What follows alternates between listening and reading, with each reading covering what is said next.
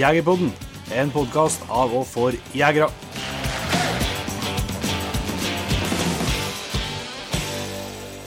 Hjertelig velkommen til en helt ny episode av Jegerpodden, og har jeg med meg en tett hostende og litt eh, febervarm Jon Ingevik på andre sida her. Ja, jeg setter, uh, setter jeg. ikke, Tøler ikke de Jegertoner-innspillingene. Tar på kroppen. Ja, det, det tar på, altså. Du har vært litt sånn halvsjuk hele tida, men det, det er forholdsvis lavt sykefravær i Jegerpodden likevel, gitt. Ja, det er det. Det skal vi være stolt av. Ja. Du, i dag så er det en litt eh, kul episode på gang, syns jeg. For dem som har fulgt med Jegerpodden en stund, så kommer dere kanskje på at i fjor vår så prata vi med en kar om eh, eh, den sagnomsuste mannbjørn Mm. Som herja på som herja på, nord, eh, på Nordmøre. Mm. Eh, og som eh, ja, drev flere folk, og som det var stor både frykt og, og mystikk knytta til, selvsagt. Eh, Som til slutt ble felt av helten da, i den historien, som er en skyttertølløv. Mm. Og vi eh, jo både interesse for den historien, men ikke minst om en skyttertølløv sjøl. Ja. Eh, og hadde lyst til å få vite litt mer om, eh, om den store bjørnejegeren eh, der. Og da fikk vi til slutt et tips om en kar som heter for Bernt G. Bø, som, som satt på litt informasjon om han. Og da rett og slett tok vi oss turen tur ned til han og fikk bedre innføring både om uh, mannbjørn og den historien der, men òg men ikke minst da med en skyttertølløv fra en som, uh, som kjente han. Vi var og kikka både på Bjønnastøtta, der den står som rest som et minne om eh, dem som uh, mista livet, men mm. vi òg kikka på det området der mannbjørn til slutt ble felt. da. Mm. Så her var- føler jeg at det er litt sånn, gjort litt sånn skikkelig journalistikk, rett og slett. Ja, ja, ja. Skikkelig research. Ja. Nei, det var bra, det. Det var det. Så, så det skal dere straks få høre den praten der og bli litt uh, bedre kjent med en av de store jegerne som er bak oss. Eh, men eh, du nevnte jo jegertoner, Jon Inge. For dere som hørte siste episode, så var jo jeg da ganske spent på hvor vi skulle hen. Det var vel en skummel feeling at vi skulle på hjortejakt noen plass.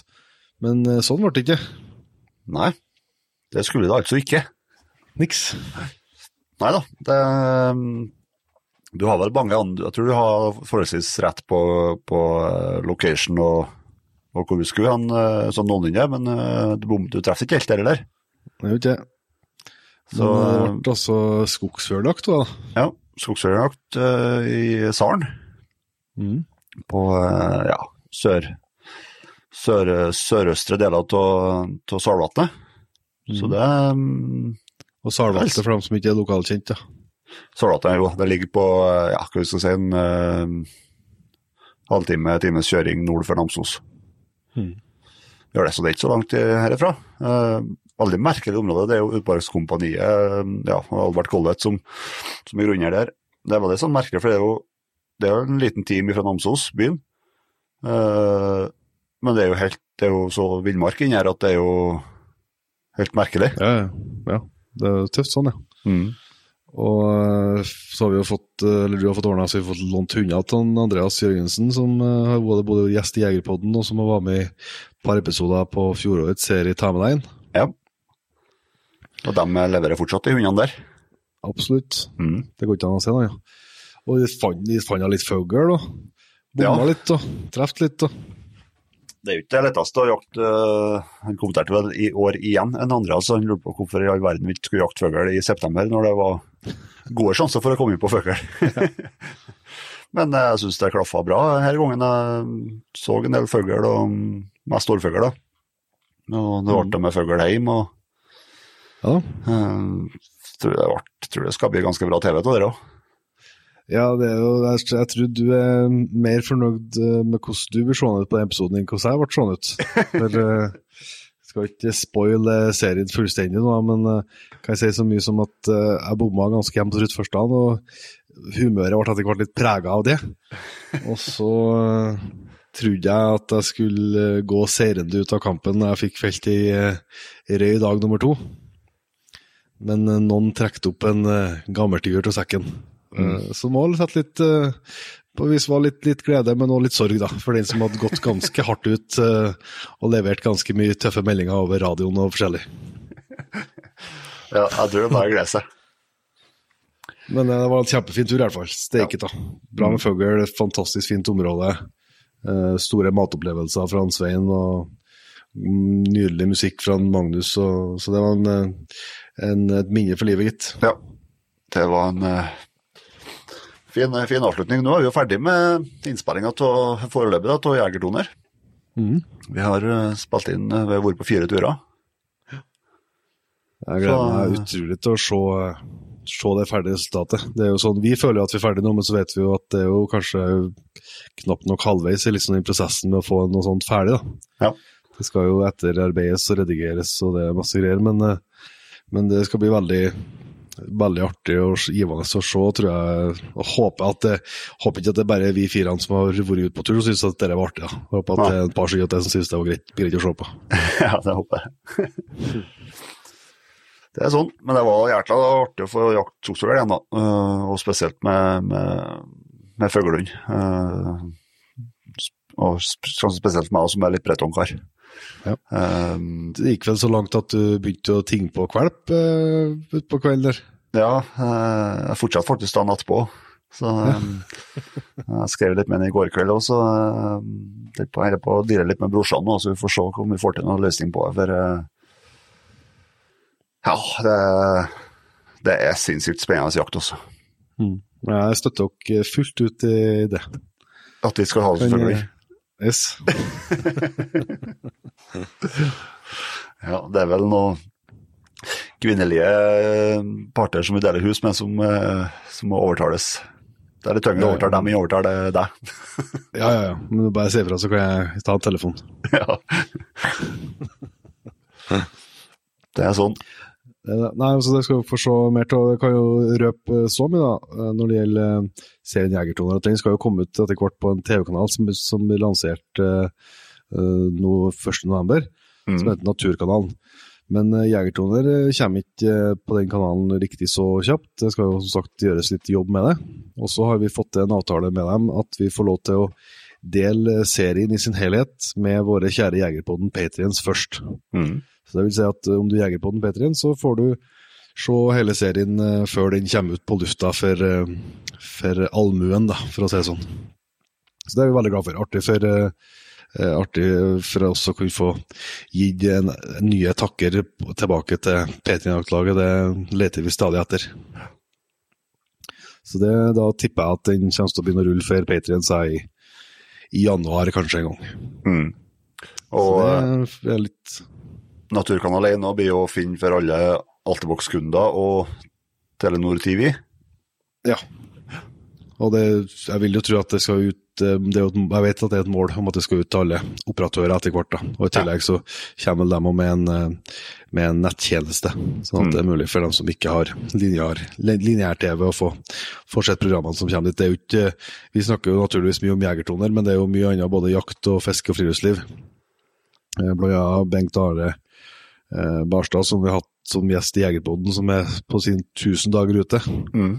Eh, har jeg jo sett mye bra innhold fra allerede, og det kommer jo litt eh, jegerbrødre. Det er eh, kjenninger for dem som har unger som eh, har sett kanskje på Villmarksbarna. Jeg har i hvert fall mm. logga noen timer med det. Der kommer det både eh, De har jo vokst til litt sånn til ungene, som har begynt å lage eget innhold, og de er fortsatt like flinke. så og det er enda mye mer, selvsagt. Så det, det, jeg håper virkelig at det kan bli en suksess, den kanalen der. Det tror jeg mm. har vært bra for alt, alle som er glad i jakt og, av jakt og fiske og friluftsliv i Norge. Mm, absolutt. Så det så tenkte jeg på ting i går kveld Jon som jeg satte inn som et uh, st mentalt stikkord. Ja. For at uh, når vi var på Vi var jo som sagt på jakt, og det, det området vi var, så var det ikke dekning. Så vi var jo uten det noen dager. Og når du da kommer fram til dekningen, så plinger det og plonger i telefonen. Og, og, sånn, og det er jo greit. Og så begynner det å skjønne. Og så viser det seg at en, på, eh, en kompis på jaktlaget vårt han hadde fått skutt i seg en elg mens eh, vi var det oppe der. Og den lå ikke spesielt gunstig til, så vi måtte eh, nå da hjelpes åt å få den fram i går kveld. Mm. Og da var det en sånn, eh, sånn nytt sånn minne for livet. Jeg starta med at eh, en sekshjuling ikke var på lag. Så vi måtte kjøre tilbake og hente firehjulingen min. Og et helsikes føre da, med 20 cm bløtsnø og myr og grunn under som ikke finnes teller i. Mm. Og for dem som har prøvd det, så vet du omtrent hvor håpløst det er. Ja. Og så, Vi klarte nå å komme oss i vei, men det var jo selvsagt det ble jo da mørkt før vi eh, begynte å kjøre. Og så da er det nå en ja, vet ikke jeg, en og en halv kilometer kanskje opp, rett opp lia, og der kommer høydemeterne rimelig tett. da. Eh, der vi eh, pulken vår, det er en sånn pulk som er bak firehjulingen, Mm. og fikk rulla elgoksen oppi der. Og, og det er jo et sånn Det målregna. Og det, var, det er jo sånn eh, fullt av sånn rygger der, da, så at vi, måtte, vi klarte ikke å dra der elgen opp av ryggen, så vi måtte nå drive og herje. Det er det Bekkdalen. Og gå bekken nedover da, og bremse elg, og det kjører seg fast, og det er et jævla slit. Men jeg tenker på liksom, og det tror jeg er felles for mye jegere, um, og kanskje og mye friluftsfolk. Altså, hvis du ser der utenfra, så virker det jo Først er det ikke helt ufarlig, uh, og det er et blodslit, du er gjennombløt til beinet, og, men jeg, jeg koser meg, altså, det er sånn. Ja, det er, Det- det, er et trivelig arbeid også, spesielt når det blir litt utfordrende. Ja, det er akkurat det. For det er mange ganger at du kan bare ja, slenge den i en båt, eller, eller få den på pulken og så bare kjøre rett hjem uten Ja. noe mer med det. Og det er jo Mm. godt at det er sånn noen ganger, men når du får sånne, som der, der, så tror jeg det er en sånn eh, egenskap som mye jegere og friluftsfolk har, at du vet at du må få det til. Ja. Koste hva det koster vil. Du kan ikke legge igjen elgen der, det er ikke noe alternativ. Nei. Det er én måte du må få den med deg. Ja, og så er det jo, Eh. jo 150-200 kilo med kjøtt. Ja, ja så du kan jo ikke, det jo, du kan ikke legge igjen det, det må bli. Mm. Så du, du vet liksom det, Men jeg har sett det liksom i noen sammenhenger. Jeg tror liksom at hvis du holder på litt med jakt og friluftsliv, og sånn, og, og sånn, så får du den eh, evnen at du kan kose deg med det her blodslitet. Og, og at du ikke har evner å ikke tenke på hva du egentlig holder på med.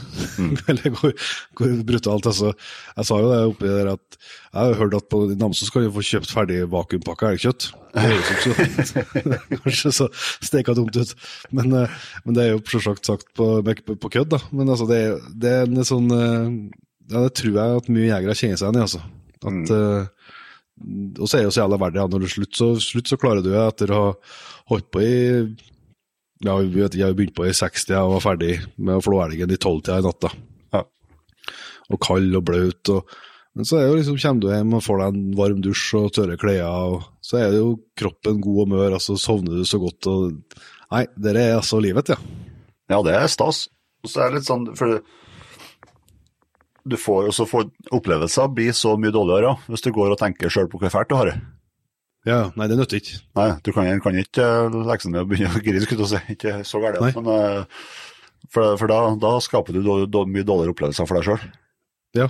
Mm. Og så er jo sånn Nå var ikke jeg, med og felte den elgen der, men, men så er det jo sånn, sånn er det å være et jaktlag. Ja. Så det nytter ikke og Du må være like både glad når de den andre har skutt, og du skal gjøre akkurat samme innsatsen. Ja. Sånn må det være. Og da Nei, det var skikkelig altså, Det er den der Det er så jævlig brutalt og tungt, men så vet du det skal gå. Du, Ja, ja. er så, Ja, har- har- så det verste som skjer, da, du må rett og slett bare må gi deg, og så må du skære ned elgen der og bære den ut i biter. da. Siste alternativ, men det går jo. Ja, ja. Men jeg hørte du, du var forholdsvis eh, fornøyd med Vi kjøpte oss samtidig, vi to sånne H6 elgpulker. Ja. Det var en Litt temmelig glad i dem. Ja, dæven, det må jeg Det kan varmt anbefales, ja. Hvert fall, altså, det, finnes, altså, det finnes så mye bra hengere og alt sånt. Jeg har ikke prøvd alt, så jeg skal ikke late som at jeg er ekspert på det. Men til den dagen i går med sånn bløtsnø og det der, hva vi mye vi sparte oss på at vi Det er jo tungt å, å dra den opp, da, selvsagt en del eh, hundre høydemeter. Men eh, hva vi sparte oss på tur ned, når vi først Ja. fikk den opp i akebrettet. Elgen sklir forholdsvis mye lettere, jo. Ja, det gjør det. Og det er jo, det er jo helt brutalt hva den tåler av juling. Ja. Det er den her. Så i hvert fall liksom i terrenget. Den tåler jo ikke all verden langs en vei eller sånn, men, eh, men i terrenget så er det helt eh, Den fikk virkelig kjørt seg. Det gikk opp for meg i går at eh, bekka de er på ingen måte bein. Nei. en backdal kan se forholdsvis rett ut. Men backen nede i bunnen her kan du tenke på neste gang du går, den svinger stort sett 90 grader. Ja. det er ikke mange meter mellom dem. Så nei, det var kjempe, kjempeopplevelse. Så det, det tror jeg at en skal minnes. eh, Det er jo sånn også, som vi snakka om i går kveld, det er jo, det er jo sånn kveld som det du kommer på. Ja. Du kommer ut på den, som du sier, altså den gangen der elgen ligger veldig lett til, og det er bare å kjøre dit og vippe den på. Det er jo, det er jo fin opplevelse, det er jo for all del, men, men det er jo ikke det du husker på når du sitter på gamleheimen. Nei, nei, nei. Det er ikke det. Men det kan jo fort eh, hende at det byr seg nye muligheter for et blodslit til helga. da. Ja, vi skal legge opp til det i hvert fall. Ja, nei, vi skal jo nye runder ut. Vi skal til virkelig til fjells igjen. Ja. Børgefjell. Mm. Så nå har det jo heldigvis oppi her da, i hvert fall regna såpass mye at det, snøen har det jo fått klappa veldig i hop og fortsetter å regne. I dag og i morgen så kan jeg at det begynner å bære mye, mye barflakker. Ja. Også ikke minst at det holder seg på varmegrader, så vi slipper unna eh, dårlig føre til hundene. Det har vel Ja. Sjefen i godstolen som sitter på andre sida, har fått oppleve nå. Ja. Forbanna for en skitøst på det er, ja, Dimes var ute på han det, det, det var egentlig ikke så ille før vi starta, men det ble ille før løpet av dagen. Og nok til at uh, han fikk uh, sår på leggene. Uh, og det har ikke villet ha grodd helt som vi hadde håpa. Så har jeg nok ut i hvert fall i vekka eller en 14 dager til. Ja. Så eh, nå har jeg rett og slett ikke hunder å jakte med. Det er merkelig når du går inn i jakthøsten med fire hunder. På, jeg har jo, har jo Rex, selvsagt, han er jo frisk og fin, men han er for liten til å ta noe ansvar ennå, gitt. Mm. Så forbaska plagg. Men eh, jeg tør ikke å ta noen nye sjanser, heller, så han får nå bare hvile seg. Men vi har jo heldigvis Brutus på laget, da, så vi får nå stole på at han, han løser nok eh, han løser nok jobben, han, tenker jeg. Ja, men altså, det er det jo Det er sikkert noen enslige kyr oppi der òg. Ja, ser ikke bort ifra det. Gjelder å ha litt flaks.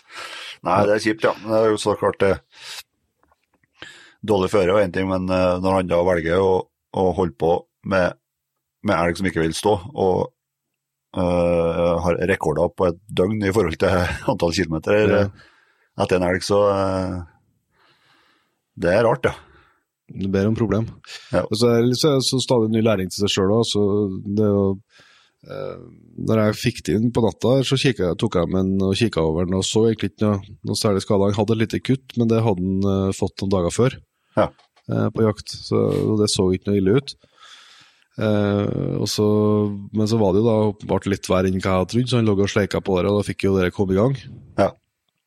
Og så eh, så jeg morgenen etterpå eh, at eh, her må vi gjøre noen tiltak, så tok jeg bilder og sendte til veterinæren for å bruke. Eh, og så fikk de beskjed tilbake at vi kan kjøre på med antibiotika og, og hvile i ukas tid, og Skjerm. også skjerm, eller sånn krager.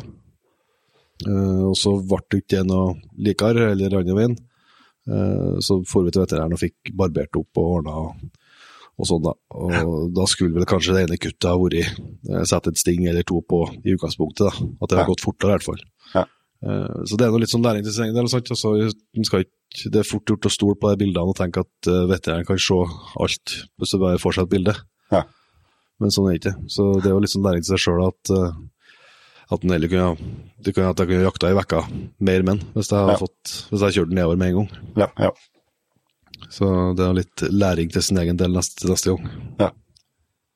Bra. Nei, men eh, skal vi eh, slippe til en Bernt og komme oss tilbake på 1700-tallet og høre om eh, vår venn Skyttar Tølløv, da kanskje? Ja, vi gjør det. Da har vi gleden av å ønske Bernt Bø hjertelig velkommen til Jegerpodden. Takk. Eh, Vi skal jo eh, prate igjen om mannbjørn, som vi hadde laga en episode om i, i fjor, men Eirik Erik Haukenes. Men i den historien så er det jo en eh, det jo en helt, man kunne si, som heter, het- kalles Skyttartølløv, som vi interesserte oss veldig for da, og som vi fikk litt hjelp han Erik med å spore opp videre hvem vi kunne få vite mer om, om han. Da ble det tipsa om deg, Bernt, og det, så vi skal snakke mye om en skyttertødøv her. Men før vi går dit, så vil vi gjerne høre litt eh, hvem eh, Bernt Bø er for noen. Han er en pensjonert adjunkt. Ja. Eh, kirkemusiker, har vært i, i sin tid. Er seksbarnsfar, og så er jeg kjølig interessert i det som har skjedd i bygden vår. For jeg tykker at mange slike små bygdesamfunn de har interessante ting å by på. Absolutt. Og derfor så har lokalhistorie interessert meg i mange, mange år. Ja. Så jeg har skrevet en del artikler og en del bøker om slike ting. Det. Men har den lokale interessen for lokalhistorie vært bestandig, eller har det liksom kommet mer etter hvert? Eller hvordan starta det her? Jeg har vokst opp på et eh, plass der det ikke var biler. Ja, ja. Eh, Ei halvøy uten sam- veisamband med omverdenen, kan du si. Ja. Og det selvsagt også uten dataspill og barne-TV. så helt fra jeg var liten, så hører jeg mye på de gamle, hva de fortalte. Ja. Og det var ofte sjøfolk som har spennende ting å fortelle fra det de har opplevd på skyen òg. Men det var også jegere Ja. som kunne fortelle om at de har fanga årfugl i stortrøyene sine, f.eks., uten å bruke våpen. Ja. Og det fascinerte meg allerede da jeg var liten, å høre på hva de fortalte. Noe var jo så nifst at du skolv, og noe var jo sånn at det var kjølig artig å høre på. Ja. Men eh, den eh, historien om eh, mannbjørn og skyttertøller, kommer den jo helt ifra barndommen av, eller? Den starta da jeg var en sju-åtte år gammel. Jeg var med bestefaren min på fiskeri ute på fjorda her. Så huset han peka opp i Dragsetdalen. Og så ser du når berghammeren oppi der, sånn. Ja. Der, nedfor de berghammerne, der skjedde noe forferdelig en gang. Og da fortalte han meg om den dråkja, gjetertesa, som var tatt av bjørn oppi der. Ja. Og det var jo en grusom historie å, å, å få med seg, sjølsagt. Men han bestefar han trøsta meg også. Husk på det sånn at det var en berømt, dyktig skytter her, som heter Tølløv. Og han greide å skyte den der bjørnen. Og det var en stor trøst akkurat den dagen, husker jeg. Så, det, så helt fra da så har liksom den vært en, eh, en del av eh, en del av deg, òg. Det har det egentlig. Og det hendte jo rett som det var at eh, vakse folk nevnte mannbjørn i forskjellige sammenhenger. Så jeg skjønte etter hvert at det var noe som var litt spesielt for bygden vår, at det skjedde dramatiske ting her. Ja. Men eh, akkurat hva som skjedde, det tok det jo flere år før jeg, har, før jeg fikk med meg, da. Ja. ja, for vi hadde jo historien, historia, skal jeg si, eller episoden, men, men Erik som hadde liksom brukt moderne metoder og sette seg dypt eh, inn i det. Men, men eh, i dag så møttes vi jo på en eh, på en, på en, på en bauta, skal jeg si, som er reist til minne for dem som, dem som gikk bort. Og den var ifra 26. Ja, den var reist opp i Haugaskara mellom Harsal, mellom Betten og Sittemsdala. det her, i 1926. Og da regna de at det var 150 år siden den gangen mannbjørn ble skutt inn. Ja. Så da gikk ungdomslaga i Harsa og Oskar og Valsøyfjord, eh, tidligere kommuner der, gikk sammen og fikk resten av der bautasteinen med ei flott eh, kopperplat på, der det står en tekst, så sier ganske mye. Mm. Til minne om de folk bjørnane drap, og om den djerve bjørneskytteren Tølløv Persson Folldal, som i åra 1775 til 76 frelste disse bygdene fra rovdyrplagen og skaut mannbjørnen, reiste ungdom av Oskar, Halsa og Valsøyfjord denne steinen anno 1926, står det. Det er litt sånn eh, gåsehud med sånt, det er altså. altså. Men eh, det vil si at eh, den var liksom altså de 150 årene som gikk eh, altså fra der det ble tatt fram, og, og, og, og reiste sånn minne over det, var, var litt stilt liksom i de årene mellom der, da. Denne historien levde nok på folkemunne, og det Ja. ble både dikta og fantasert en del om det, så det er ikke sikkert alt som ble fortalt mann og mann imellom, var helt korrekt etter historien. Nei. Men i 1923 så tok statsarkivar Anders Todal tak i denne historien. Han skrev en artikkel om uh, skyttertølløv og mannbjørn uh, i årskreftet for Nordmøre Historielag. Ja. Og det var vel på en måte det som gjorde at hun kom opp i dagen igjen. Ja. Han var veldig kritisk til det folk trodde, at det var én bjørn som hadde drept. For det her handla jo om at fem mennesker var drept av bjørn i løpet av uh, to år. Han var veldig kritisk til at samme bjørn kunne ha gjort alt det der. ja. Jeg mente det må være flere bjørner. Han mente det måtte være flere bjørner. Det har jo vitenskapen motbevist i senere tid. Mm. Men han gjorde i alle fall det at historien kom opp igjen. Og året etterpå så var denne Dragset-visa trykt i også de samme årsskriftet for Nordmøre Historielag. Den var gjenfunnet i ei notisbok oppe i Hemne, på en gard i Hemne, nå Heim kommune. Ja. Men den har åpenbart vært, vært publisert i sin tid. Ja. Og den var laga av ei blind bondepike, Maria Jonsdatter Dragseth, oppå gårda her, der det én mordet skjedde. Og da den var trykt, så ble det jo enda mer blest om det her. Og slik så kom så disse ungdomslagene på at de ville markere 150-årsjubileet Ja. eh, for at mannen var skutt inn da, i 1926. Jeg tror de kjente litt sånn at de eh, Altså med det at det måtte være flere bønder, at det kanskje ble gjort litt eh, narr av på et vis den folk, altså den trua og den historien som var bygd inn her, da, som gjorde at de ville liksom ta tilbake eierskapet liksom til Er det eller sånn, eller? Når en ser teksten på Bjørnastøttene, så ser en at de også var litt i tvil, for de skriver at det var til minne om de folk bjørnane Ja. drap. Ja. Så de var nok påvirka av den artikkelen som han Todal har skrevet noen år tidligere. Men eh, mann og mann imellom, i folka her, så levde det, den historia om at det var én bjørn, og det var mannbjørn i bestemt form, Ja. som har utretta disse ugjerningene der. Ja. Jegerpoten støtter det. Ja, ja, det, ja, det virker jo det åpenbart i dag å gi mye mer mening at det skal være én bjørn som har funnet ut eh, av at det ikke an å, å ta folk og ete dem, enn at eh, alle skulle gjort det plutselig i noen år, og så slutta en etterpå. Jeg skrev noen artikler om her hendingene her i avisa Driva i 1979. Og da fikk jeg kommentar fra en av landets fremste eksperter på området. eh, Kåre Elgmork, dosent ved Universitetet i Oslo, senere professor. Og han slår ganske tydelig fast at det kunne ikke vært flere bjørner som har oppført seg slik Nei. på samme tid. Nei. Det, det virker jo til å gi, til å gi mening. Eh, Men eh, det er jo sikkert en del som hører den eh, episoden her, som også har hørt den episoden vi laga om mannbjørn. Men kan ikke du fortelle historien om mannbjørn sånn som du har lært den å kjenne? Etter all sannsynlighet så starta dette her på en nå fraflytta gard som heter Trodalen i 1774. Antageligvis av høsten. Folk fra gårda sa at Bjørn var kommet dit og gikk og rispa korn. En annen historie sier det slik at eh, han prøvde å bryte seg inn i fjøset. Ja. Men i alle fall så har vi i brevs form nedskrevet at Mannen på gårda tok i hast en kornstør, og dermed drev bjørnen fra fehuset, fra fjøset, altså. Og han hadde jaga bjørnen oppi ei steinord oppfor gården i Trodala der, og som der syntes har stukket i bjørnen den spitse ende, der fantes blodig. Og da vendte den om og drepte mannen, står det i et gammelt brev. Ja. Og det som skjedde der, har vel da kanskje provosert denne bjørnen til å bli den han ble. Ja. Eh, Vet du, Ordet mannbjørn det er jo egentlig et varulvbegrep. varulvbegrep. Altså Folk trodde at eh, Det var en menneske i dyreham. Ja, og det er også beskrevet i Nordmørs beskrivelse, så noen prester laga omtrent på samme tid.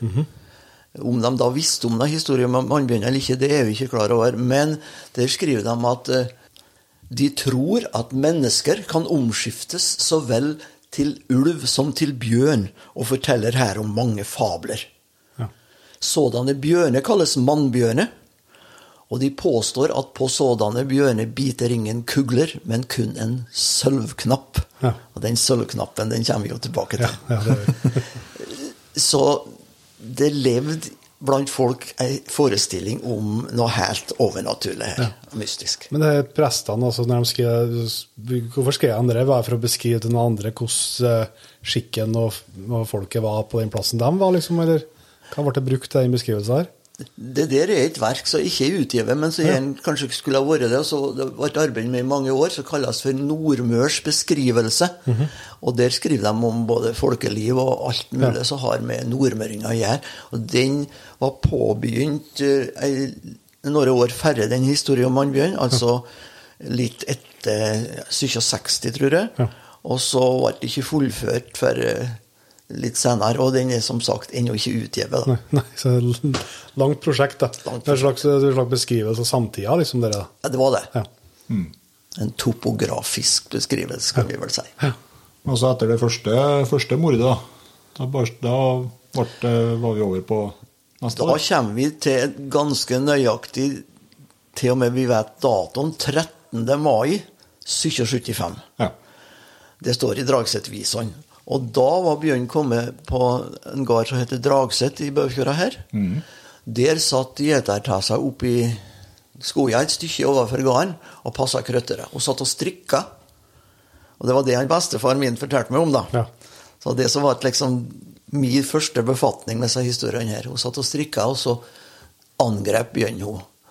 Og hun hadde da sprunget tre ganger rundt et tre, en enekarre, muligens det var en stein. De fant iallfall at bondingsskaden var snarere tre ganger rundt, Ja. før han hadde fått tak i henne. Og den viser, hun skildra jo da hvor forferdelig Bjørn for med henne, og Ja. grov henne ned og sånn. Og Da kom det jegere, men før de rakk å skyte, da, så prøvde han å ta dem. Ja. Eh, men så rømte han. Ja. Det var den historien om eh, den, det andre mordet, Dråkja på Dragset. Ja. 13. mai 1775. Men så er det ikke lang tid etterpå for at han er kommet et godt stykke herifra igjen, og det er borti Hennadalen i Valsøyfjord. Der er det også ei gjetertass som skal ha hjem krøttere av kvelden. Eh, Så ser hun at det er noen dyr til som ikke har kommet med, og så går hun tilbake for å hente dem. Og da har Bjørn også ligget der klar og tok henne og, og dra på. Maltrakterte og forferdelig. Og det der har vi bevis for i kirkeboken for Aure. Der har nemlig presten skrevet 'Likprediken over pigen Gjertrud Larsdatter Henden, gammel 26 år'. Nota bene, hun ble ihjelreven av en bjørn. Ja. Skrevet han i juni 1775. Ja, så det er ganske tett, tett, ganske tett der toene der, da. Det er jo også beviselig det at bjørn kan ferde over ganske Ja, ja, ja. avstander på kort tid, altså. Så det er ikke umulig slik. Nei, Absolutt ikke. Det er de tre første morda, da. Mm. Men så går det et lite år, og våren 1776 så skjer det noe yst ute i Bøfjøra. Det er en husmannsplass under gården Kalset. Sannsynligvis er det den husmannsplassen som heter Kråkå. Og der står det også til det brevet som jeg siterte fra i stad. Det er forresten brev som kaptein i det brøsiske kompani, Brøstja-kompaniet i Stangvik, Johan Mikael Meldal, han skrev to brev til amtmann i, i Molde. Mm -hmm. Amtmann, hva slags funksjon er Ja. Er det fylkesmann, liksom? Fylkesmann, som det heter fram til nå, Ja. statsforvalter. Ja, statsforvalter er. Eh, og der skriver han da at eh, der, på de husmannsplasser attmed Kalseter, ble mannen tett ved sitt hus attakveret, altså angrepet, av en bjørn, og måtte baklengs retirere seg i sin stue. Han rømte inn i stua og fikk att der. Men samtidig så var det ei gjetertass oppi marken rett overfor der. Og Bjørn han hørte pikens røst, forlot straks mannen og oppsøkte piken, grep fatt på henne, slo mange hull på hennes legeme og oppåt henne for det meste fra hoften til føttene. Det er jo det grusomme med seg her, at nei, Bjørn han åt av folk, og det så setter han i en, en særstilling blant alle slags rovdyr. Så Samtidig var det noen fiskere nede på skyene der. Og de her til der. Og de sprang på land og greide å jage bjørn. De skjærer årelommen inni bjørnekjeften, heter det. Men eh, likevel så var det for sent, da. Så hun døde 18 timer deretter i en overmåte pine, står det til de brevene. Ja. Ja. Det, Så det er grusomme historier. Ja, ja. Det, det er mørkt. Og da er vi kommet til fire mord, ikke sant? Og det femte, som da var det siste, det skjedde ute i Åkviken i Harsa. Der var drengen og gjetertassa og han kaptein Gorder så helt det der, de var ute i skogen, og så ble de også angrepet helt uforvarende av bjørn. Dråkja greide å rømme hjem og si ifra, men gutten han klatra i et rogntre for å berge seg. Men så heter det seg jo det, vet du, at bjørn han har ti manns styrke og tolv manns vett. Så det vettet det bruker han da til å grave løs rota på de rogntrærne, så det datt ned, og så fikk han tak i gutten. da. Ja. Og begynte der også å ete på han. Eh, Det var ei tragisk historie av der, minst like ille som Sarander. fordi at da de hjelpa kom, da har allerede bjørn begynt å ete på han. Og den første som kom dit, det var mor til gutta. Og han var ennå i stand til å tale litt, så det han sa, og som da lever igjen som en forferdelig replikk om hele den mannbjørnhistorien, det, det er det han han sa til mor sin at 'Å jø, mor, har du kjent hvor ilt det var det første bettet han tok av meg?' Så eh, Det blir litt kaldt nedover ryggen da. det er ikke noe særlig artig, altså. Nei. Det er noe slik at man mest gruer seg for å fortelle det her, men det hører jo Ja, denne historien til. da. Klart det gjør det. Klart det gjør det. Da eh, kommer det jo vår helt eh, inn i historien etter hvert her, da. Det har allerede vært i gang med, vet vi når liksom, ja, han- skyttertølløv da, tok opp jakten på mannbjørn, han? Vi vet det at så her breva som en kaptein Meldal skrev, det var gjort sommeren 1776. Så det var gjort altså rett etter, eller eventuelt da samtidig med det siste mordet som vi hører om her.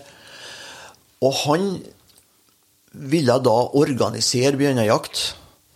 Han har jo store planer. Han ønska jo faktisk 500 mann han, under sin kommando ut for å, å jakte på bjørn. Ja. Og da taler han om flere bjørner, selvsagt. Ja. Ja.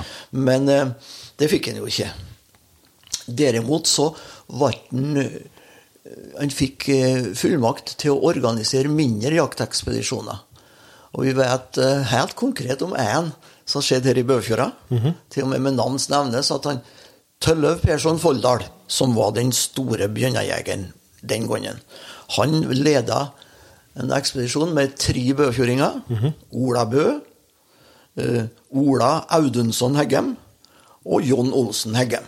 Ja. Og de var i 14 dager rundt her på bjørnejakt, dog uten at få ødelagt noen større. Ja. Eh, Men de har betaling. Én ort per dag. Så den regninga fra nå kaptein Meldal på vegne av jaktlaia der, den finnes. Ja.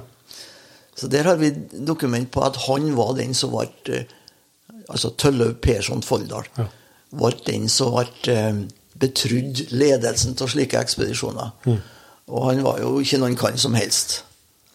Nei, det er jo eh, eh, Kanskje vi skal snakke litt om øh, Vi kan eh, spare øh, kanskje slutten på det, etter hvert lykkelige slutten på historien, og så kan vi snakke litt mer om en, eh, om en eh, tølløv, da. Eh, hvis, nå har vi jo fått Ja, si? ja, vi må jo si det at vi har jo fått uh, fin omvisning i dag. Da både du viste oss Jeg peka på plassene der, der det har skjedd, og, og viste oss hjelmen. og, og den, skal vi, den skal vi også tilbake til. Jeg tenkte hvis vi, hvis vi tar Jeg vet ikke hvordan det, er å gripe an et sånt spørsmål, da, men eh, du kjenner jo lokalhistorie her og området særs godt. Hvis vi først liksom skal uh, Tror du det går an å si noe om hvordan det føltes liksom, i bygding her når, når dette pågikk? Altså, altså, tenker på, altså, det er jo masse folk her som lever og, og har livsgrunnlaget sitt i, i skog og, og, fjell og utmark. og så Det måtte være en utrolig også forferdelig skummelt på disse. Altså det å leve, stå i det der. Det har vi dokument på, Ja. annet i de brevene som en kaptein Meldal skrev til amtmann. Ja.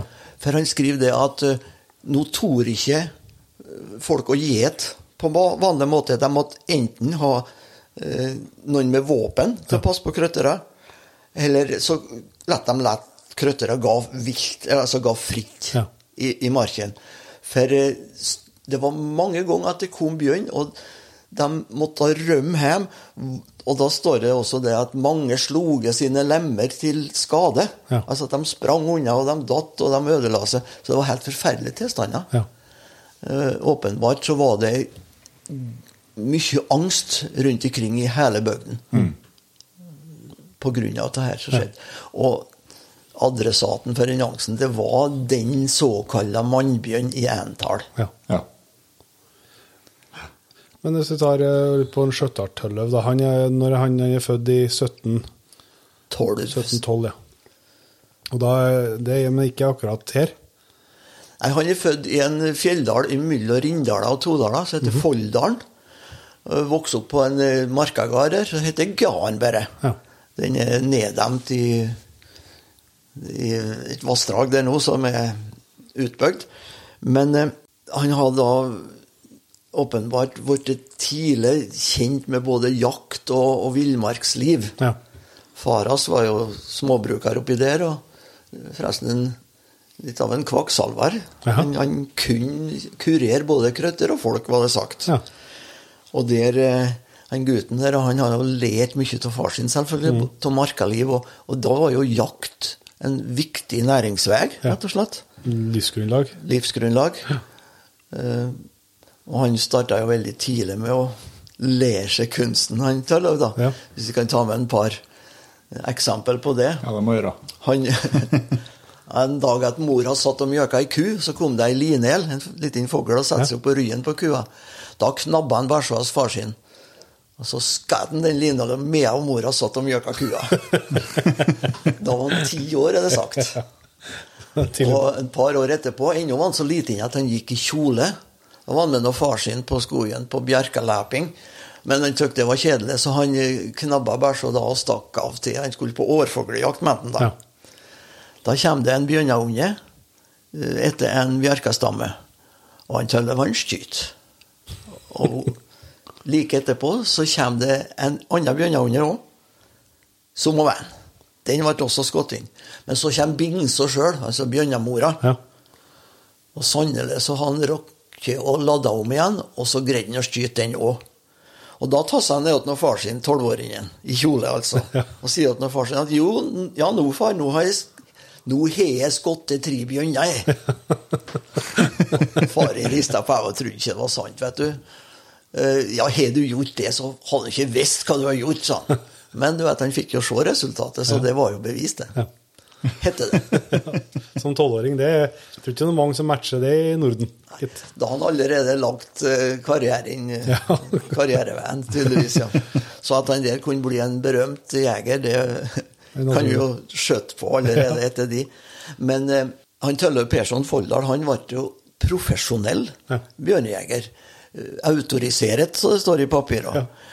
Og det henger litt sammen med at pressen i daværende Surnadal prestegjeld, Søren Hagerup, han søkte Det kongelige norske vitenskapers selskap om belønning for en så dyktig jeger. Og det brevet jeg skal lese her, så får de nå høre.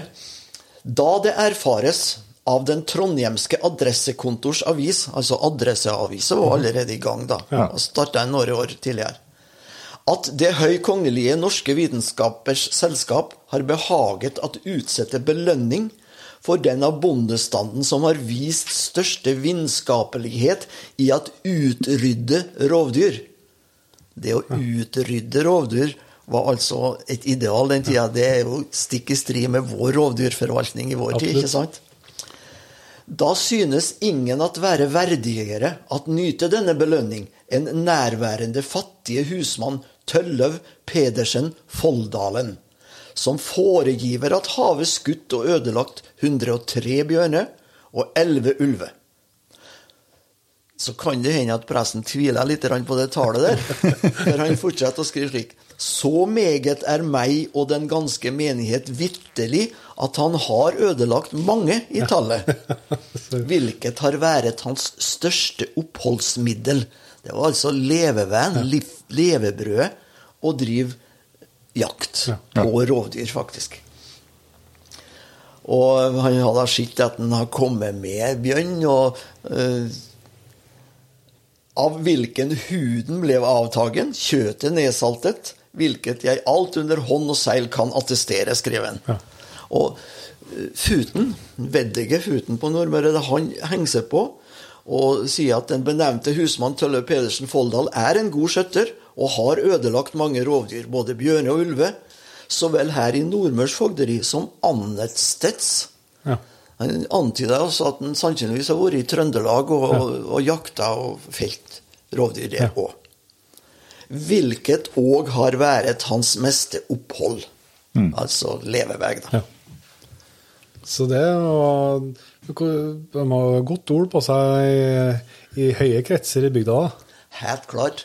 Og da det skjedde dramaet her, det var jo noen år senere, da, så er det åpenbart at han har blitt budsendt for å komme hit og jakte på denne mannbjørnen. Men det de søker og får, er det altså en slags fast, fastlønn, skal jeg si, som, for, å, for å være rundt og jakte? Det står bare belønning her. Ja, ikke Eh, på folkemunne, eller blant folk, så ble det her tolka som at han fikk gullmedalje fra kongen i København for Ja. edel dåd. Ja. Det er jo den vanlige Ja. eh, ting Altså at i folketradisjon så forandres fakta litt grann til ja. andre Sånn som ting. det, sånn som det passer. Ja. Han jakta ikke bare bjørn heller? Eller rovdyr, da? Nei, og det er jo en, en par historier om elgjakt Ja. som stiller oss i en litt vanskelig situasjon til å vurdere hva slags jaktmoral han, han, han Tølløv. Det heter seg jo det at en vår, enda med det var skarre, så han oppsøkt eh, en flokk med elg oppe i Folldala. Ja. Og elgen han trødde gjennom og kom seg ikke unna. Med han Tøllev og kameraten som har med seg dem, flet oppå skaret. Ja. Og da heter det seg at han har skutt 20 elger da, den gangen. Ja. Og på en måte mest å utrydde elgstammen oppi der. Ja. Det ryktes iallfall det. Men så har vi også bevis for det at han eh, kanskje har en høyere jaktmoral enn til der skulle ty på.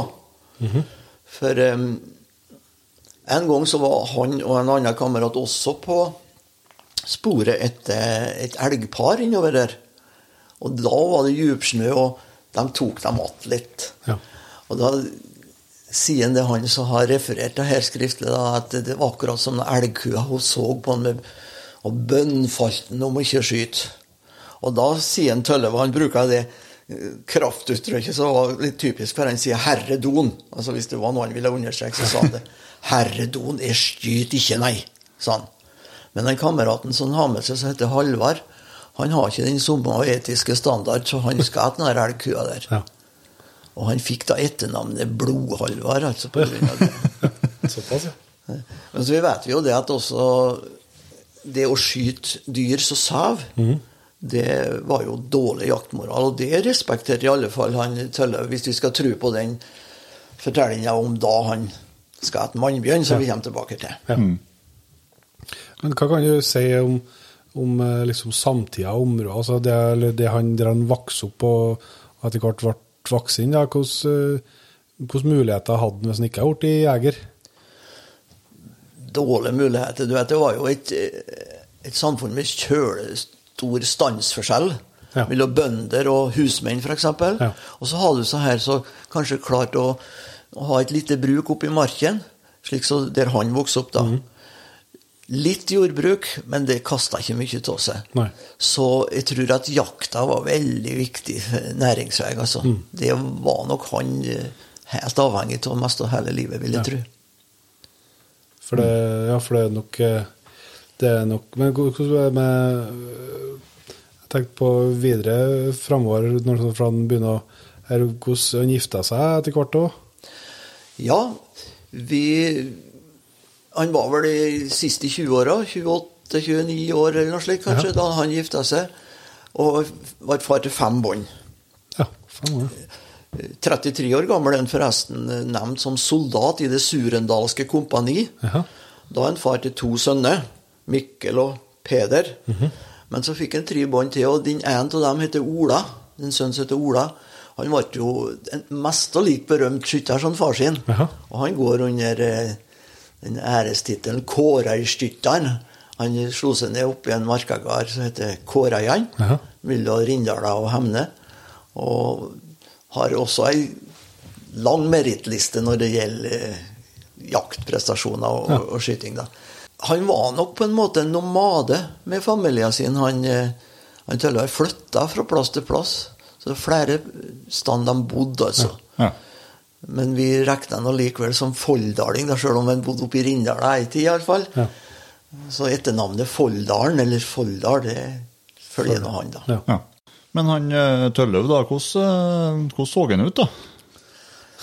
Han var nå sikkert prega av det at han levde ute i villmarken, i alle fall. Jeg har ei øyenvitneskildring. Ja. Og det var ei lita drog som var med bestemor på setra. Ja. Og tilfeldigvis en kveld så kommer det en fremmedkar inn, og det viser seg at det er han Tølløv. Og hun sier det at Først at hun gjemmer seg atafor stakkjana, bestemor sin, fikk se den fyren der. Han var svart jævla og har fillete stribrok på seg da han kom inn gjennom døra, sier hun. Ja. Det er grunnen det eneste vi har av vitneskildring om hvordan han så ut. Ja. Men jeg kan jo godt tenke meg at han var en barsking, ja. Ja, ja. Og sikkert bra til å gå i fjellet. Det han, han var jo ganske gammel, så jeg tror nok han har Han var jo 83 år gammel òg, så han eh, har sikkert levd et, eh, et sunt liv sånn. Ja. Rigelig Rikelig mosjon, iallfall. Ja, skal du tro. Og bjørnkjøtt. Bjørnekjøtt. Ja. Like til så var han jo i klammeri med bjørner rent fysisk òg. Han eh, Ja. Det hendte jo at eh, En gang så kunne han ikke skyte fordi han hadde med seg en jaktkamerat. Og så la han merke til at jaktkameraten han skamskatt den der bjørnen. Og da var det et basketak, og bjørnen fløy på han der jegeren, altså. Og hva skulle Tølløv gjøre? Han kunne ikke skyte, for han kunne jo skade kameraten sin. Men han bruka våpenet og slo bjørnen. Og da, da sier han det altså at eh, det ble ikke noe fart i så, der, så lenge så kolba satt på. Men da jeg bruka bare bæsjpipe og sånn, da sokk Bjørn i hop for hver en dask. jeg setter kanskje litt på spissen, da. Det hendte jo også at han eh, til og med tok kråkfot. En bjørn som kom springende mot ham ut på en hammer. Da greide han å ta kråkfot slik at bjørnen datt utom og, og slo seg i hjel. Sier historie da. Ja. Ja. Det er jo spunnet mye rundt den, så vi vet ikke hvor pålitelig alt er. Selvfølgelig. Nei, men ting har jo kanskje ofte en tendens i hvert fall til å ha en, en rot i virkeligheten. I historien. Ja, uten så tror jeg ikke at det har må være noe å spinne på heller. Nei, nei. Så Nei, men det er jo et eh, Men eh, jeg har lest i noe Vi har kikka på forhånd her at det er litt uklart om han hadde egen børs. Ja, det er merkelig.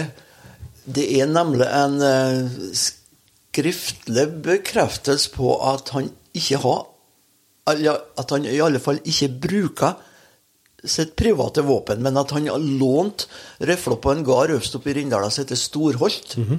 Og det til noe til det at det er når jeg har Storholt-rifla, at det liter på meg. Ja. Ja. Så det var iallfall favorittvåpenet hans. I hva grad han har gode våpen sjøl, det vet vi ikke. Nei. Han var temmelig sikkert ikke noen bemidlet mann, da. Nei. Eh, Det står jo også det at han var en fattig husmann, Ja. står det i disse søknadene her. ikke sant? Så eh, at han i alle fall fant ut at når det var ei så god bæsj å låne, og han fikk låne henne, Ja. så var det en fordel å bruke henne. Og det artige er jo at den bæsja faktisk finnes. Ja. Det kommer vi kanskje tilbake på det må etterpå. være. Det må være. Han er jo, jeg vet du, beskrevet ganske tålmodig av seg. Det var noe Han har venta lenge på ei gaup en gang. Ja, det seg at han satt i to døgn Ja. oppi en dal her og venta på at ei gaup skulle komme ut i hya, og hun kom ikke ut. Nei. Så da lot han gi seg. Det var helt forgjeves, men han satt altså i to døgn. Ja. Så han eh, tålmod måtte han ha hatt. Ja, og likens eh, er jo snarrådighet, da, det å ta kråkfot på bjørn. Det er ikke bevis på det, men òg en gang det ble kaldt. Ja, og da har han faktisk skutt to bjørner. Det måtte ha vært så nære hverandre at han har greid å dra dem i hop. Fordi at det var kaldt, og natta kom, så han kom ikke færre hjem derifra. Så da flådde han halvparten av én bjørn og halvparten av andre bjørner. Og så bretta han skinnet over seg og la seg og sov. Og, og da han fortalte det der at eh, folk som kjente, altså var han spurt ja, Sov du godt den natta, da, Tølløv? sa de. Herredon, jeg har aldri sovet bedre, sa han. og du vet, han Han har vært ganske dristig når det sto om ting, altså. Ja. Og, og ærgjerrig på å få tak i bjørn.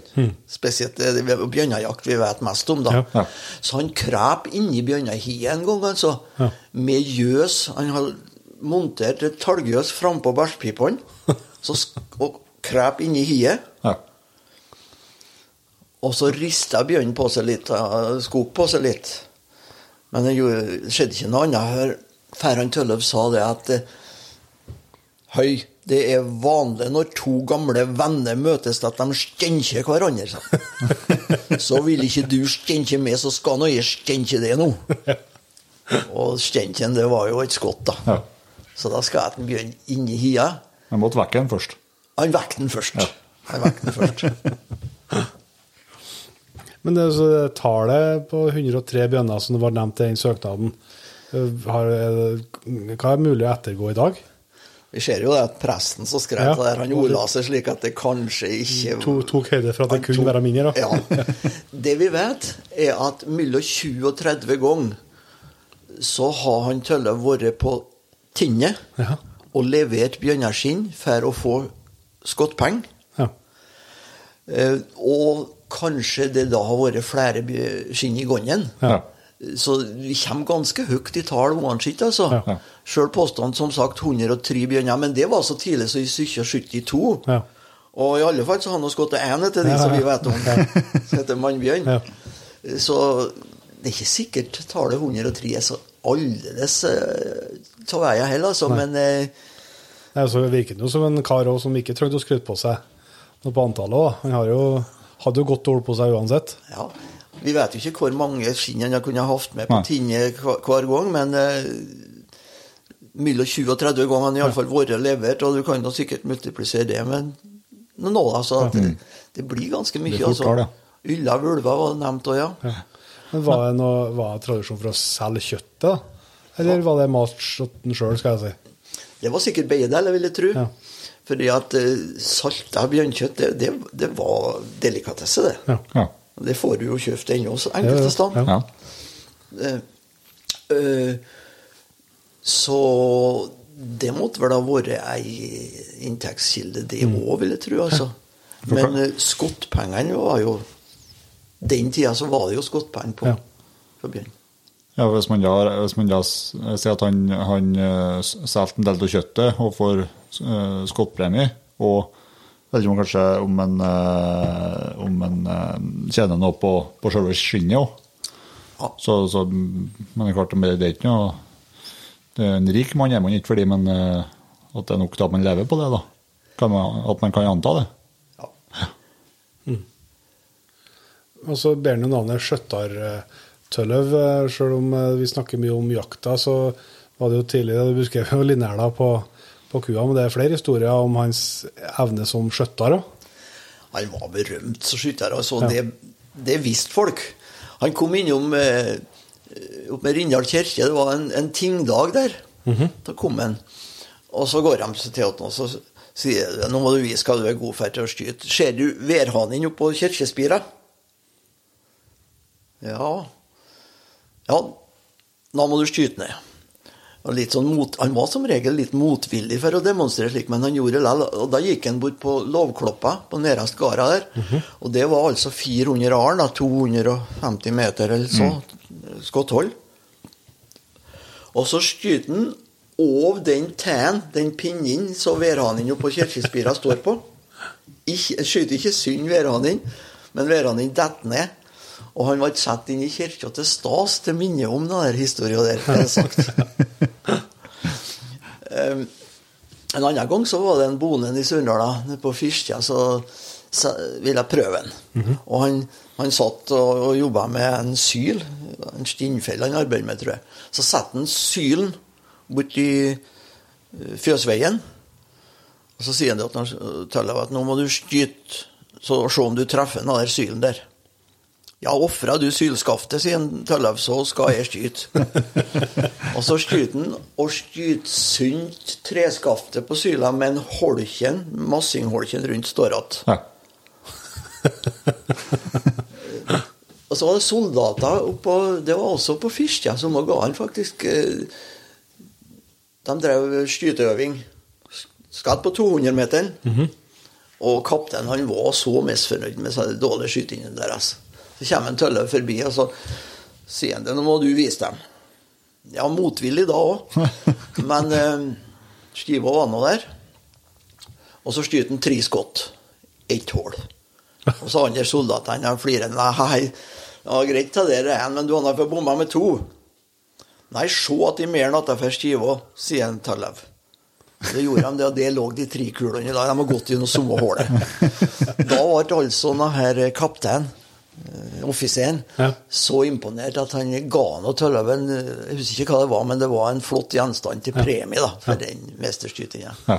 altså, han var stø på avtrekkere, altså. Ja. Og Derfor så har jo dette dramaet her med Mannbjørn-historien det, det har jo den klassiske oppbygginga. Du Du har en skurk, sant? Ja, ja, ja. Blodtørstig skurk. Yep. Bjørn. Og så har du en, en helt som er stø på avtrekkere. Ja, og som også litt, som du ser, litt motvillig og litt, litt uh... Nettopp. Nettopp litt beskjeden, liksom, da. Men så vet hva han gjør. Mhm. Og så har du den tredje dimensjonen til det, det mystikken, altså, Ja. som kommer fram i For det heter seg jo det at på sådanne bjørner biter ingen kuler, Nei. men kun en sølvknapp. Og den sølvknappen han kommer vi vel litt tilbake til Ja. når det gjelder denne mannbjørnjakta. Men, eh, ja, men skal, vi, skal vi ta litt om sølvknappen, eller altså Vi har jo, vi tok jo i starten her eh, det her om eh, altså selve opp... Altså eh, tragediene, skal jeg si, som, som foregikk her, da.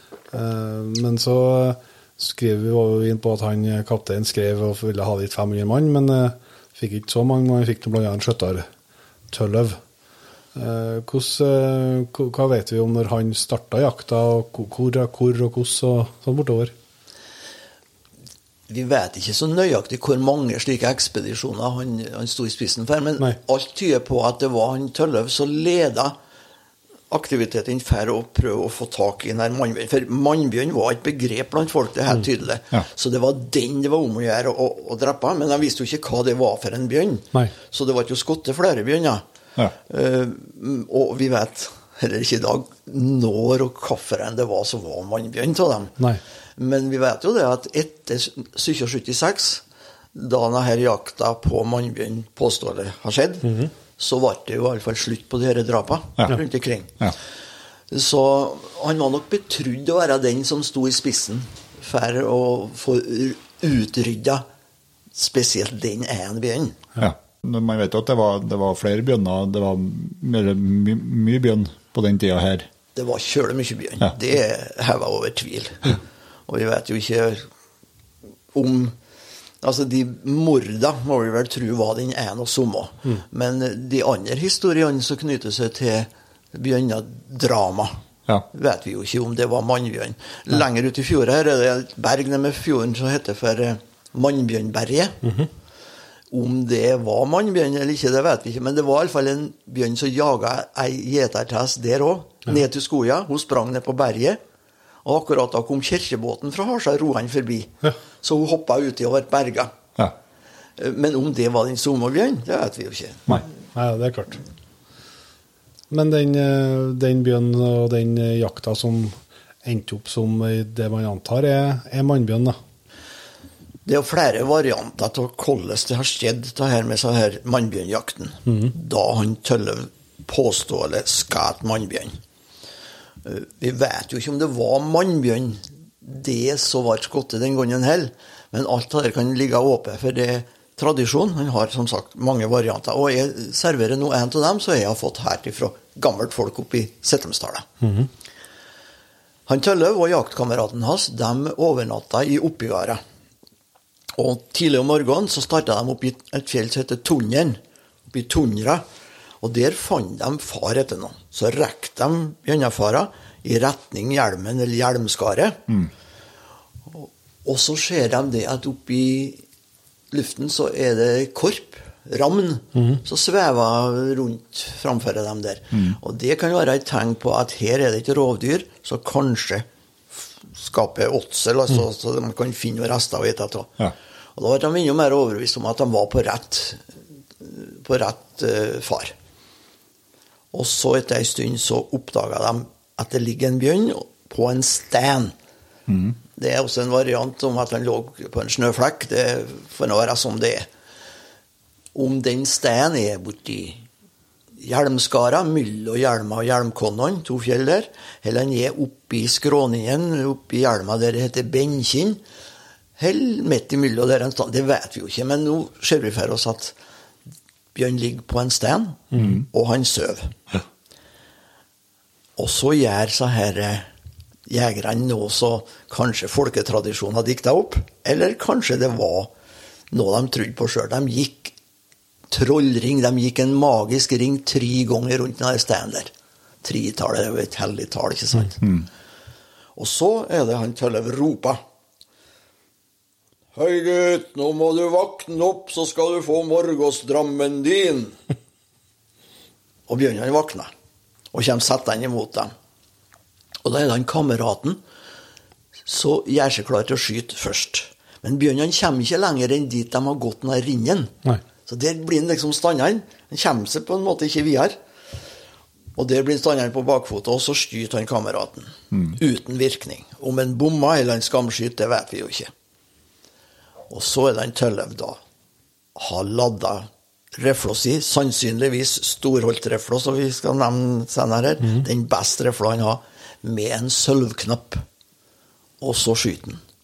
Og da detter mannbjørn. Ja. Så spørs det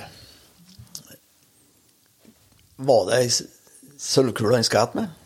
Er det en lokal eh, en lokal påstand? En lokal oppfinnelse av med sølvkule? Det er det ikke. Eh, Noen år færre enn denne mannbjørnhistorien, så var det et slikt varulvdrama i Frankrike. Ja. En, eh, det beste i Gévaudan, som faktisk drap folk. Og skutt med sølvkul. Ja. I Gøsta Berlings saga av eh, Selma Lagerlöf så skildrer hun den store bjørnen vid Gurlitakullen, som også måtte skytes med en sølvknapp. Ja. Og så har vi den versjonen vår på Nordmøre her, da. Når det gjelder Selma Lagerlöf, så er det litt artig å vite at hun brevveksla meg fra Stangvik. Så det er mulig at de har skrevet til hverandre om disse bjørnene her. Ja. Men det er jo bare en teori. Ja. Nå vet vi det at eh, den refla så sannsynligvis var bruka her, hun er undersøkt om det skulle finnes sølvrester i løpet. Og det gjør det ikke. Men det er forklarlig, fordi at eksperter på svartkruttskyting Ja. de sier det at eh, ei sølvkule hun var bestandig innhylla i filt. Slik at hun lå ikke direkte inn på løpet. Nei. Så slik så er det jo utelukket at det var et sølvrester i løpet. Men alt tyder jo på at Vi vet jo at denne bjørnen der ble skutt inn. Om det var mannbjørn, vet vi som sagt ikke. Men så er det jo folketradisjonen da, som spinner på dette her. Og da han ble flådd, sier de, så fant de sju blykuler inni nå. altså på sådanne bjørnebiter ingen kuler. Vanlige kuler. Og den som drev det aller lengst, det var han Hovlik Hen borti i Valsefjorda. Han sa jo det at eh, da de flådde mannbjørn, sånn, så fant de ei beltre med kniv og slire mellom hold og skinn på noe. så det måtte altså være et menneske i Bjørnehamn, en rettelig varulv, da. Ja. Ja. Det er en fascinerende historie. ja, det er helt utrolig. Og så ble skinnet Ja. delt i try. fordi at eh, det tror jeg faktisk var en slags eh, Ikke lov, men en regel, i alle fall. At i slike tilfeller så skulle kirkene ha et minne eller ha noe fordi at det her har en, en slags eh, påskjønnelse for at det har gått bra. Ja. Ja. I alle fall så ble en del av stinna lagt i Stangvik kirke. For dem fra Stangvik så var myrda, da. En del havna i Harsa kirke, og en i Aure, der hun var fra hun i Hennadala i Valsefjord. Altså de her Aure Ja. til den gangen. Så de tre skinna der, tre skinnbitene, havna i kirka. Når det gjelder Stangvik, så brant den kirka straks etterpå, så det skinnet forsvant. Aure kirke brant også i 1923. Ja. Men jeg har tala med en som var konfirmert en god stund før den brannen. Og han kom i haug at i Aure kirke, der var bjørnerstinnet oppi prekstoler, så presten sto på de når han holdt preka. Ja. Ja. Fra hans konfirmanttid kom han out der. Ja. Og i Harsa vet vi det at et bjørneskinn, det lå i alterrinja, sannsynligvis, fram til ganske nede vår tid, og ble da lagt oppi en eh, skåp. Og den skåpen ble rydda og fjerna sånn på 1950-tallet, og da forsvant sikkert Ja. siste biten av de bjørnarskinnene. Det er mest sannsynlig at de tre skinnene vi taler om der, er fra mannbjørner. Ja. Vet, vet man om det var en stor bjørn? Hvis det stemmer det som Tøllaug sa, Ja. så var det ikke det. Nei. Og da kan vi jo tvile på Kunne det være en Kunne det være mannbjørn? For han sa det at nei, ta nå bare en liten tufs Bjørn Ja. sa han. Om den han har skutt opp i Settemsdal, eller opp med hjelmen der. Men det kan gjøre stor skade for de. Det kan Ja, jo og så er det jo et, et utsagn, det som lever videre. Vi vet jo ikke helt det, Var det autentisk? Var det Nei, akkurat nei, det han sa? Nei, og så må passe godt uh, til han som så hans karakter, da, kan jeg si. Det kan det også være. vet du. Det er utrolig eh, interessant å, å bli litt eh, bedre kjent med en Tølløv. Han er jo åpenbart en, en kar som vi håper må, må leve videre i, eh, i historiene. Men eh, hva, hvor er en Tølløv i dag, da? Vet du det? Han ble gravlagt eh, attmed Rindal kirke Jaha. den 26. april 1795. 83 år gammel. Og Grunnen til at jeg vet det, er at jeg har fått god hjelp av en kirkebokkyndig kar oppe i Rindal. En kamerat som heter Tor Aalbu. Jaha. Og han hjalp meg med å finne ut av det her. Ja. Så da har vi også det på plass. Ja. Det er ikke den samme kirka som står der nå, men eh, den gangen så sto Rindal kirke omtrent på samme plasser som den nåværende. slik at det- det er borte på Kjerklanda, som de sier i Rindal. Ja. Men så vidt jeg vet, så er det ikke noe gravminne over den. Nei. Og det skulle kanskje vært en idé for noen å ta tak i og få rest oppi et eller annet der. Han har jo den bautasteinen oppi Haugaskara, sjølsagt. Ja. Men uh, han er altså gravlagt attmed Rindal kirke. Og han var gravlagt der den 26. april Ja. 1795. Eh, men så han, eh, da vet vi jo hvor han er begravd, men det fins det noe, finnes det noe annet synlig bevis, skal jeg si, eh, etter, etter han nå? Ja, vi har iallfall to ting. Jaha. Altså På skimuseet i Rindal, eller Rindal bygdemuseum, som heter det tidligere der har vi en kløvsal etter noe skyttertølle. Og der står årstallet 1758, og så navnebokstavene hans TPS. Tøllef Pedersen. Den er bevart der, og den har sikkert han bruka mange ganger når han får i marken og frakta med seg utstyr hit og dit. Og så er den storholtrefla, den favorittrefla hans, hun eksisterer. Hun er nå i privat eie i en av nabokommunene her. Den eh, har vi fotografi av. Ja. Så vi vet i alle fall, og vi vet hvor hun befinner seg. Men eh, jeg tror eierne vil gjerne ha det for seg sjøl, Ja. hvor hun er, da. Og så vet vi om at det finnes minst ei reffel til, så det påståelige har vært skutt på mannbjørn med. Ja. Eh, Men om det var en tølløv eller noen annen, det vet vi ikke. Nei. Den refla kom fra Bøverdala og befinner seg nå borti i Valsøyfjorda i privat eie. Ja. Her har vært en stor opplevelse, eh, Bernt, å få høre deg fortelle eh, både om mannbjørn og ikke minst skyttertølløv. Det setter vi kjempestor pris på. Så jeg vil si tusen takk for det. Takk. Og så håper jeg at du fortsetter videre og både skrive ned og fortelle historiene eh, til dem du treffer på din vei. Det tror jeg vi alle har godt av. Ja, takk at dere i Jegerpodden for at de tar med denne historien her, for hun fortjener i alle fall å bli kjent. Helt klart. Takk for praten. Takk sjøl nå. Det var Bernt G. Bø, det, Jon Inge. En eh, meget trivelig kar med et voldsomt både engasjement og ikke minst eh, kjennskap og kunnskap til sin lokalhistorie. Rett og slett en eh, glimrende historiker. Absolutt. Så det var kjempeartig, og vi fikk jo et vakkert innspillingslokale her på Bygdemuseet. Og han ordna med kaffe og kaffebrød, og det var en stor, stor dag. Det opptaket ble gjort i sommer. Mm. På en av de rundene vi hadde, da, så det er en godbit vi har hatt liggende på lager i stund. da. Det er det. Så det håper jeg at eh, du som har vært med helt hit, og syns var en artig læring og fine historier fra eh, Bernt. Um, vi skal begynne å gå inn for landing for denne uka her. Vi har jo gleden av å ønske en hel haug med nye folk velkommen inn i P3-jaktlaget. Mm. Det var jo P3-episode sist med Martin Blom, og det er sikkert en del som ville ha med seg den. Mm. Og det vil jo si at uh, i skrivende stund så er de faktisk 2900. Jeg gjentar 2900 jeger på den P3-ens. Og det vil si at eh, 100 til, så skal det trekkes eh, en ny Toyota Hilux Jegerpon Edition i lag med våre venner i Nordvik, som en eh, heldig P3-en skal få kjøre gratis et helt år.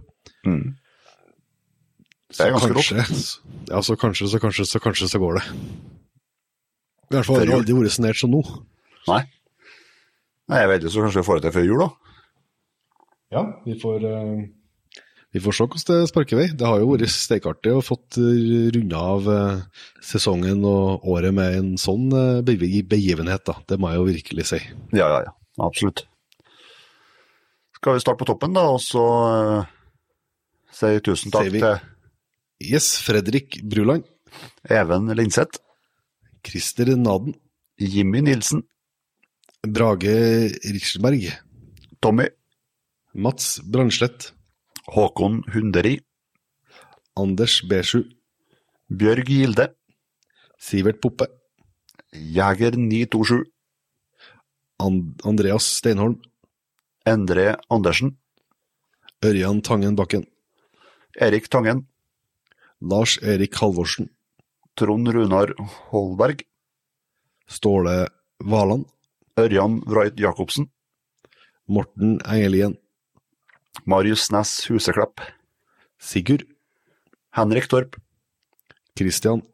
Espen Møller Rokstad, Marius Hovden. eh, Bjørn Fuglem, Camilla Sundt. Håkon Melseth, Dagfinn Skurdal. Ingebrigt Hetland, Christer Fossland.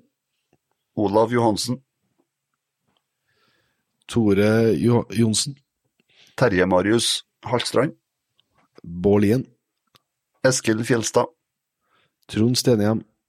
André, KF. Mathias, eh, Henning King Lett. Trond Nøttåsen, Rikard Lind. Espen Ulseth, og Thomas Audestad. Tusen hjertelig takk til alle dere, og selvsagt til alle dem som utgjør P3-laget fra før òg. Det setter vi jo ekstremt stor pris på. og Det er dere som gjør det mulig for oss å drive med Jegerpodden sånn som vi gjør. Så eh, da, Jon Inge, tror jeg vi skal begynne å runde av og gjøre oss klart til å pakke sekken og sette snuten til fjells igjen. I hvert fall hvis du vinner å få ned feberen, da. skal søle en pakke med Paracet nå, så skal vi se hvordan det går. Ja, for selv om jeg starta episoden og sier at jeg synes det er artig å dra elg og plages, så er ikke jeg like gira på å ha deg på ryggen gjennom fjellet. Det skjønner jeg. ja, Det er greit. Nei, men da ser vi som vi bruker å gjøre, Jon Inge, til neste gang. Vi høres.